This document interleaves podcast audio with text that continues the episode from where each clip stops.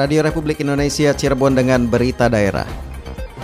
Kami mengapresiasi langkah pemerintah Kota Cirebon dalam hal menyiapkan tempat isolasi di dua tempat tersebut apabila terjadi outbreak kasus COVID-19 ini. Namun tentunya perlu diperhatikan lagi terkait kesigapan dari pemerintah kota karena ditemukan kasus hasil rapid test kemarin dari tiga orang tersebut yang dinyatakan positif walaupun positif belum tentu terpapar virus. Alat ini akan disimpan di Fakultas Kedokteran UGJ karena ada beberapa persyaratan yang harus dipenuhi untuk penyimpanan dan manajemen laboratoriumnya.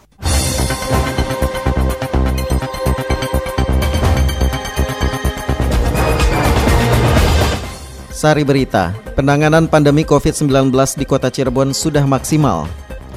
Maksimalkan deteksi dini terhadap penyebaran virus corona. Dinas Kesehatan Kabupaten Cirebon membeli alat PCR. Bersama saya Nono Kartono, inilah berita daerah selengkapnya.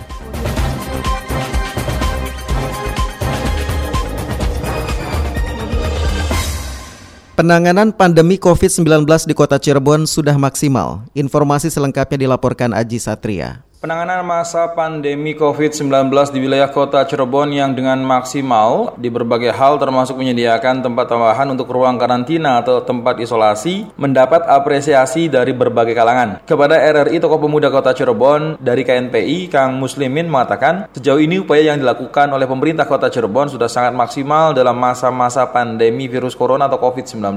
Untuk itu ke depan, Muslimin berharap penanganan ini jangan kendor dan terus melakukannya dengan sebaik mungkin serta prima untuk masyarakat agar bisa sembuh dan kembali normal seperti sedia kala. Kami mengapresiasi langkah pemerintah Kota Cirebon dalam hal menyiapkan tempat isolasi di dua tempat tersebut apabila terjadi outbreak kasus COVID-19 ini. Namun tentunya perlu diperhatikan lagi terkait kesigapan dari pemerintah kota karena ditemukan kasus hasil rapid test kemarin dari tiga orang tersebut yang dinyatakan positif walaupun positif belum tentu terpapar virus. Namun alangkah lebih baiknya pemerintah kota sendiri menempatkan tiga orang tersebut yang terindikasi positif virus di ruang isolasi yang telah disediakan. Untuk apa? Agar controlling dari pihak kesehatan, pihak tenaga medis bisa lebih terjaga dan dengan bahasa karantina mandiri saya pikir tidak menjamin bahwasanya orang tersebut akan berinteraksi tidak akan akan berinteraksi dengan siapa pun. Tetapi kalau tiga orang tersebut ditempatkan di ruang isolasi yang telah disediakan, artinya gedung BKKBN dalam hal ini dengan kapasitas 40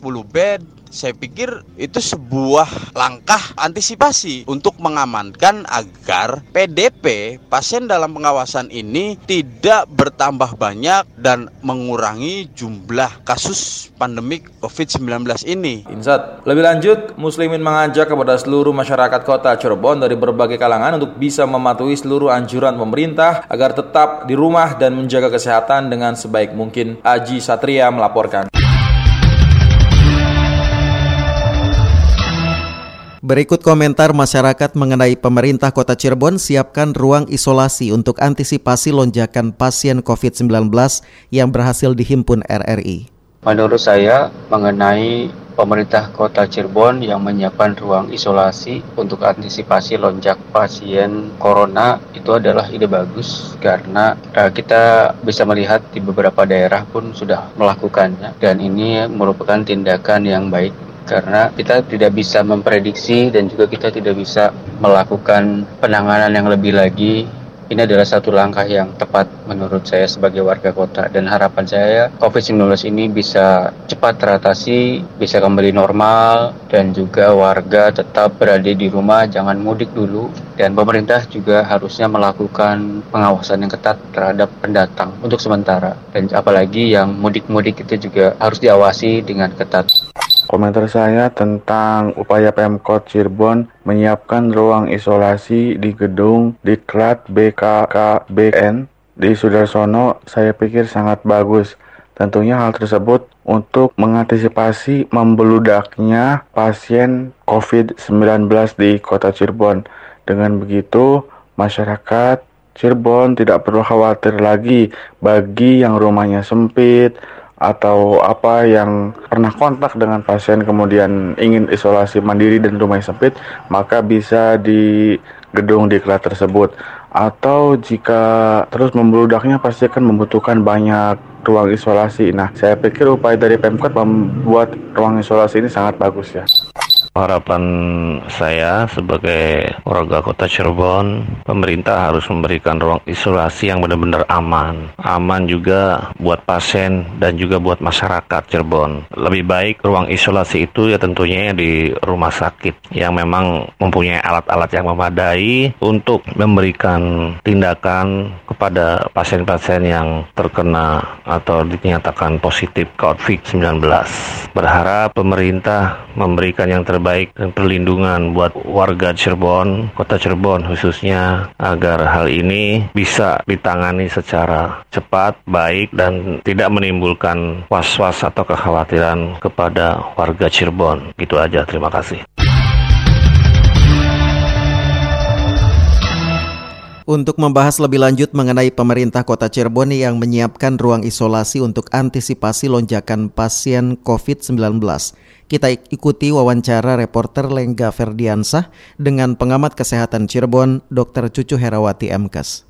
Saat ini gedung-gedung yang dijadikan ruang isolasi untuk penanganan COVID-19, termasuk yeah. untuk di kota Cirebon, bahwa pemerintah kota Cirebon telah menyediakan 40 ruangan isolasi ini di gedung BKKBN. Iya. Ibu, menurut Ibu sendiri, ruang isolasi ini bagaimana sih Bu penjelasannya? Oke, mengingat ini ya karena adanya pandemi COVID-19 ini ya Mas semenjak yeah. dari WHO mengumumkan bahwa COVID-19 ini merupakan sudah merupakan pandemi pada waktu itu pada tanggal 11 Maret ya kalau nggak salah tuh yeah. bahwa COVID-19 ini merupakan pandemi dan memang untuk COVID-19 ini untuk karakter penyakit sifat karakter penyakitnya kan ini peningkatannya cepat tetapi penurunannya lambat gitu ya Mas ya. Yeah. Nah, saya rasa sangat harus memang harus dipikirkan juga diadakannya ruang isolasi karena ruang isolasi ini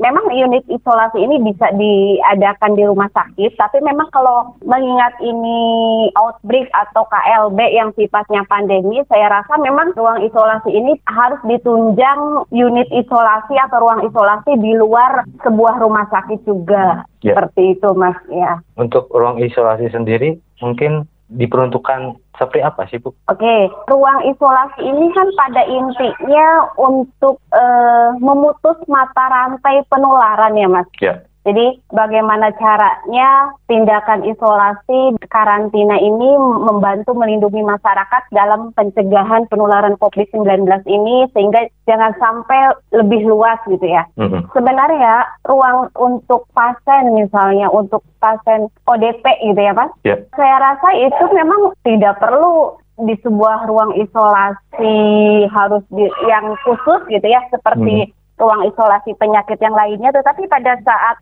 si orang itu sudah dikatakan status PDP, mm-hmm. ada satu sisi yang mengatakan bahwa ketika seorang dikatakan PDP, sebenarnya sih karena COVID-19 ini suatu sifat penyakitnya yang memang secara kalau memang kita tidak berat gangguannya, masalahnya bisa sembuh sendiri ya Mas. Yeah. Karena jenis virus COVID-19 ini merupakan virus influenza yang memang mengalami mutasi gen atau berkembang biak gitu ya Mas. Yeah sehingga COVID-19 ini. Tetapi karena diperlukan berusaha untuk menghindari kontak dengan orang lain gitu ya mas mm-hmm. mengingat sifat penularannya juga sangat cepat ini memang saya rasa sangat diperlukan suatu ruang isolasi khusus gitu mas tidak cukup hanya diisolasi di rumah saja gitu ya mas karena mm-hmm. kita tahu sendiri kalau rumah kan itu ada keluarga ada suami ada istri, ada anak yang lain yang sangat rentan untuk tertular virus corona ini seperti itu. Nah, terkait dengan ruang isolasi untuk COVID-19 ini, saya rasa pada saat dikatakan ruang isolasi ini untuk status PDP sama seperti ruang isolasi penyakit menular lainnya. Ya. Itu ya. Jangan sampai ada yang beranggapan bahwa ruang isolasi ini menakutkan gitu ya, Mas. Hmm. Sehingga si pasien susah bergerak gitu ya. Bagaimana caranya kita membuat ruang isolasi yang memang sesuai dengan kebetulan untuk standar ruang isolasi penyakit infeksi juga kan ada ya di sebuah hmm. rumah sakit gitu. Saya rasa ruang isolasi untuk COVID-19 ini sama seperti ruang isolasi penyakit yang lainnya yang memang memenuhi standar dari sebuah ruang isolasi itu. Misalnya bahwa di aturan untuk ruang isolasi penyakit infeksi emerging ini berukuran 4 kali 3 meter persegi gitu ya Mas? Ya. Kemudian tersedia bed yang nyaman, ada televisi juga hmm. gitu kan ya. ya. Terus kalau memang semuanya mendukung, diharapkan ruang isolasi itu memang bertekanan negatif ya, dalam arti bahwa diharapkan sirkulasi ruangan ini, sirkulasi udara ini tidak sampai pindah ke ruangan non isolasi gitu ya Mas. Jadi diharapkan nanti untuk mengalir udaranya tetap berada di ruangan isolasi tersebut, tidak sampai keluar ruangan gitu. Yeah. Nah, seperti itu. Dan harus juga diperhatikan bahwa kita menyediakan ruang isolasi COVID-19 ini harus diperhatikan fasilitas medis yang lainnya yang harus sangat mendukung dan memadai misalnya alat rongsen, kemudian ventilator, obat-obatan, pelayanan nutrisinya yang memadai dan juga proses koordinasi untuk eh, pemeriksaan swab juga harus memadai gitu. Iya seperti yang Ibu katakan tadi bahwa ruangan isolasi ini berukuran 4 kali 3. Nah ini untuk satu orang pasien atau bagaimana ini Bu? Diharapkan ruang isolasi ini satu ruangan satu eh, pasien ya Mas? Ya karena tidak boleh digabung sehingga uh-huh. standarisasi pelayanan khusus ini memang berada di bawah pengawasan tenaga kesehatan dapat lebih maksimal seperti itu. Mungkin untuk satu ruangan ini atau satu pasien yang berada di ruang isolasi ini harus ditangani berapa petugas medis ini Bu idealnya? Idealnya satu untuk betul uh, untuk pasien COVID-19 ini idealnya dua ya Mas. Karena pasien COVID-19 ini butuh pemantauan 24 jam ya Mas. Ya. Ya mungkin secara rasio jam kerja tiga tenaga medis ya Mas. Mm -hmm. Mm -hmm. Seperti itu. Bu, di kota Cirebon ini kan kasus COVID-19 kan masih minim ini. Hanya saja ada beberapa orang yang dinyatakan pasien dengan pengawasan. Dengan adanya 40 ruangan isolasi di kota Cirebon ini, mungkin bagaimana ini Bu? Ya saya sebagai akademisi ya, mm -hmm. sangat apresiasi sekali dalam mm -hmm. penyediaan dalam rangka untuk isolasi COVID-19 ini gitu. Ya karena salah satu tujuan dari isolasi ini kan pada intinya memutus mata rantai penularan ya mas seperti itu. Ibu, terima ya. kasih waktunya Ibu. Sama-sama ya mas.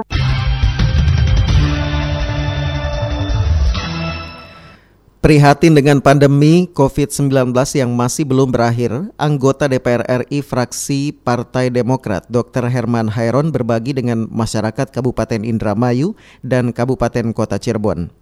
Pria yang akrab disapa Kang Hero ini turun langsung bersama istrinya Dr. Hajah Ratnawati yang merupakan bakal Ya, dan tim melakukan kunjungan ke Puskesmas Karangampel dan memberikan bantuan sejumlah alat kesehatan seperti alat pelindung diri APD, masker, dan hand sanitizer. Bantuan diserahkan oleh Dr. Hajah Ratnawati didampingi anggota DPRD Indramayu serta para kader dan relawan. Selanjutnya tim ini menuju ke RSUD Kabupaten Indramayu untuk memberikan APD dan peralatan lain. Bantuan diterima Direktur RSUD Indramayu, Dr. Lisviani. Hajah Ratnawati berharap bantuan yang diberikan ini mudah-mudahan bisa bermanfaat. Sementara itu Kang Hero menjelaskan, selain Indramayu pihaknya juga memberikan bantuan APD masker dan hand sanitizer ke RSUD Gunung Jati Cirebon dan RSUD Arjawinangun Kabupaten Cirebon. Dikatakan bantuan APD bagi tenaga medis diharapkan mampu dimanfaatkan dengan baik agar para tenaga medis bisa bekerja dengan optimal. Ditambahkan selain pemberian bantuan bagi puskesmas dan rumah sakit, pihaknya juga melakukan kegiatan penyemprotan disinfektan di empat kecamatan, yaitu Karangampel, Sliek, Juntinyuat, dan Jatibarang Kabupaten Indramayu. Kemudian juga membagikan masker dan hand sanitizer serta sembako untuk warga. Pihaknya membagikan alat cuci tangan di pasar-pasar daerah di Indramayu seperti Pasar Karang Ampel, Jatibarang, Patrol, dan Pasar Indramayu.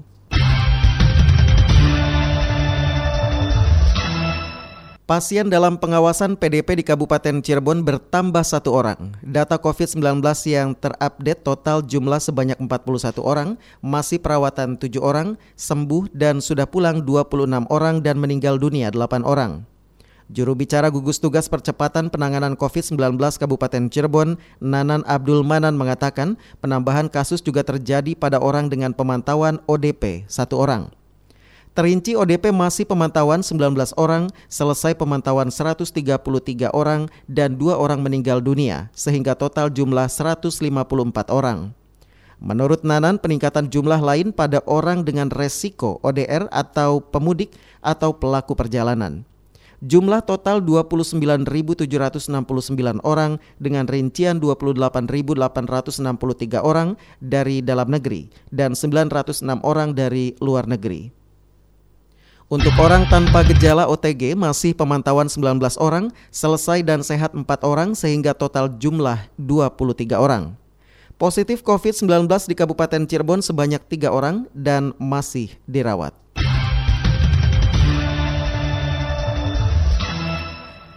Maksimalkan deteksi dini terhadap penyebaran virus corona. Dinas Kesehatan Kabupaten Cirebon membeli alat PCR. Selengkapnya dilaporkan Yulianti. Gugus Tugas Percepatan Penanganan COVID-19 Kabupaten Cirebon membawahi beberapa divisi, di antaranya Divisi Pelacakan Kontak, Pengujian Sampel, dan Manajemen Laboratorium. Wakil Sekretaris Harian Gugus Tugas Percepatan Penanganan COVID-19 Kabupaten Cirebon, Nanang Ruhiana kepada RRI mengatakan, divisi sudah mempunyai rencana aksi, seperti jika mengalami kesulitan dalam pelacakan kontak, maka puskesmas telah bersinergi dan dibantu Babinsa serta Babin Kamtipmas hingga ke pelosok desa. Sedangkan untuk pengujian sampel dan manajemen laboratorium, pemerintah Kabupaten Cirebon melalui Dinas Kesehatan telah membeli mesin PCR dan rencananya besok 21 April mesin tersebut tiba di Cirebon. Untuk SDM petugasnya mulai hari ini mengikuti job training di Laboratorium Kesehatan Provinsi Jawa Barat.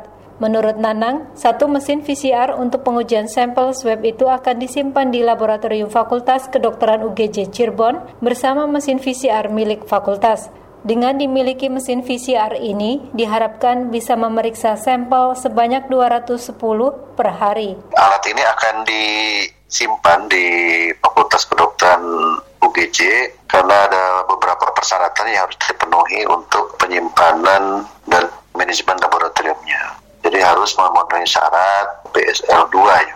BSL 2 ini adalah biosafety dari laboratorium dan ini menjadi prasyarat untuk pengolahan atau pemrosesan dari sampel ini. Dan ini sudah dikerjasamakan dan sudah didapat beberapa rencana aksinya. Jadi nanti dengan dua mesin ini, karena di FK juga punya mesin satu lagi untuk PCR, sehari itu bisa 210 sampel yang diperiksa nih. Sehingga yang selama ini mungkin banyak keterlambatan dari pusat maupun dari provinsi, ini akan terpecahkan dong masalahnya.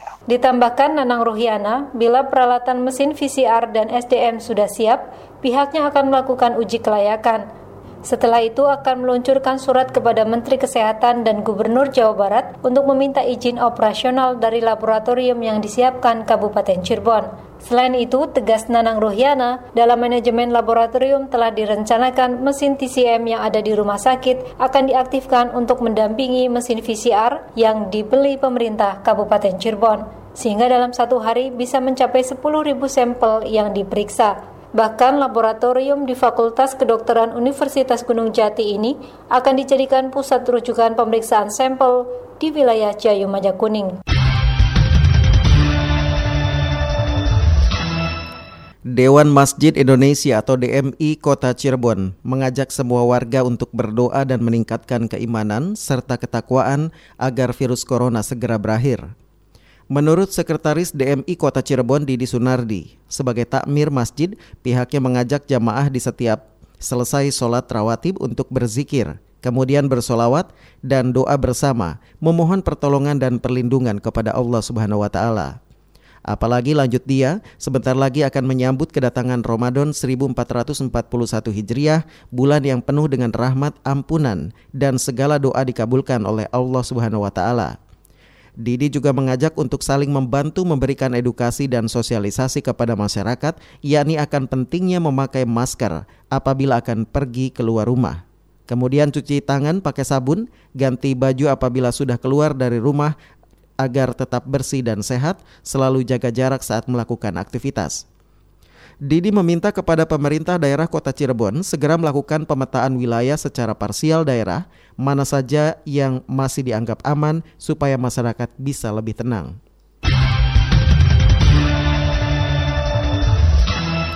Lapas kelas 1 Cirebon terapkan beberapa poin penting dalam pencegahan coronavirus secara rutin. Selengkapnya disampaikan Lengga Ferdiansah. Tidak menunggu lama sejak masuknya pandemi wabah coronavirus ke Indonesia dengan penyebaran kasus yang begitu signifikan, Lembaga Pemasyarakatan Lapas Kelas 1 Cirebon langsung melakukan rapat internal dengan seluruh pejabat struktural dan tenaga kesehatan lapas. Dari hasil rapat tersebut diputuskan upaya pencegahan coronavirus agar tidak masuk ke dalam lapas yang membuat warga binaan terinfeksi. Ada beberapa poin penting sebagai langkah penyebaran virus corona, di antaranya penutupan kunjungan, mensterilkan petugas lapas, penyemprotan disinfektan, membuat wastafel atau tempat mencuci tangan di setiap blok warga binaan dan merumahkan warga binaan yang usianya di atas 50 tahun, serta memiliki riwayat sakit seperti sakit diabetes, darah tinggi, stroke, dan lainnya. Demikian dikatakan Kepala Lapas Kelas 1 Cirebon Agus Irianto kepada RRI. Dikatakan Agus Irianto dari beberapa poin upaya pencegahan itu, dua hal terpenting di antaranya telah dilakukan rutin. Pertama adalah mensterilkan petugas lapas. Kami laksanakan seperti apa namanya itu penyemprotan penyemprotan pegawai yang masuk ke dalam kita yeah. semprot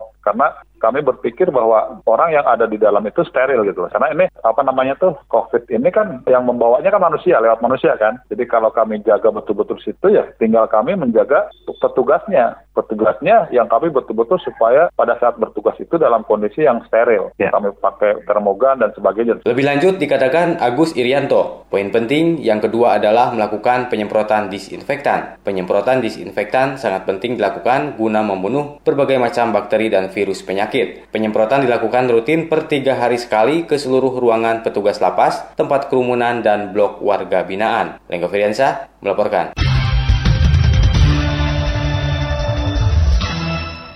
Polres Cirebon Kota mengantisipasi gangguan Kamtibmas menyusul aksi vandalisme bernada provokatif yang diduga dilakukan kelompok anarko dan terjadi di sejumlah daerah dengan melakukan kegiatan rutin yang ditingkatkan.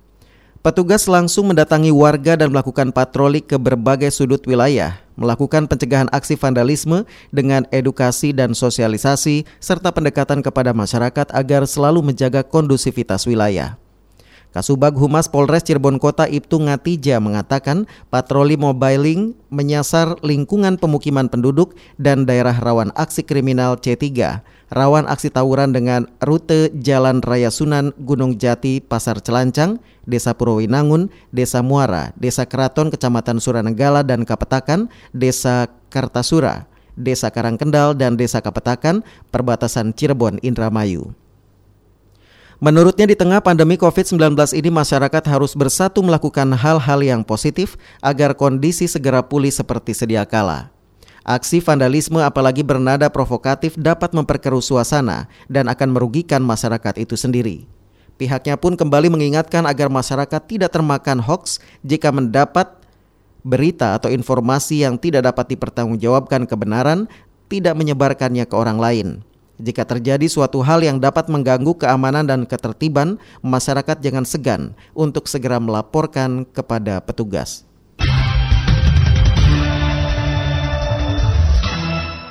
Kita ikuti berita olahraga. Berita olahraga. Berita olahraga. Untuk menjaga fisik dan stamina para atletnya di saat force mayor akibat virus COVID-19, Futsal Kota Cirebon memberikan asupan vitamin bagi para atlet. Pemberian vitamin tersebut merupakan salah satu bentuk kepedulian futsal terhadap atletnya yang saat ini dirumahkan program latihan. Ketua Asosiasi Futsal Cirebon AFC, Amroni Duraji kemarin mengatakan pemberian tersebut bagian dari mendukung program pemerintah dalam menanggulangi dampak dari COVID-19. Tidak hanya itu, jika pembagian vitamin yang diberikan futsal kota Cirebon tidak hanya untuk atletnya saja, namun pelatih juga mendapatkan haknya.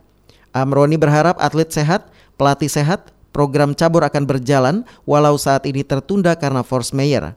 Amroni menambahkan jika pembagian vitamin yang dilaksanakan futsal Kota Cirebon tidak lepas dari dukungan pemerintah Kota Cirebon dan KONI Kota Cirebon yang memberikan bantuan stimulan untuk cabur-cabur. Sehingga lanjut Amroni, cabur-cabur bisa mensupport atlet dan pelatih untuk senantiasa sehat.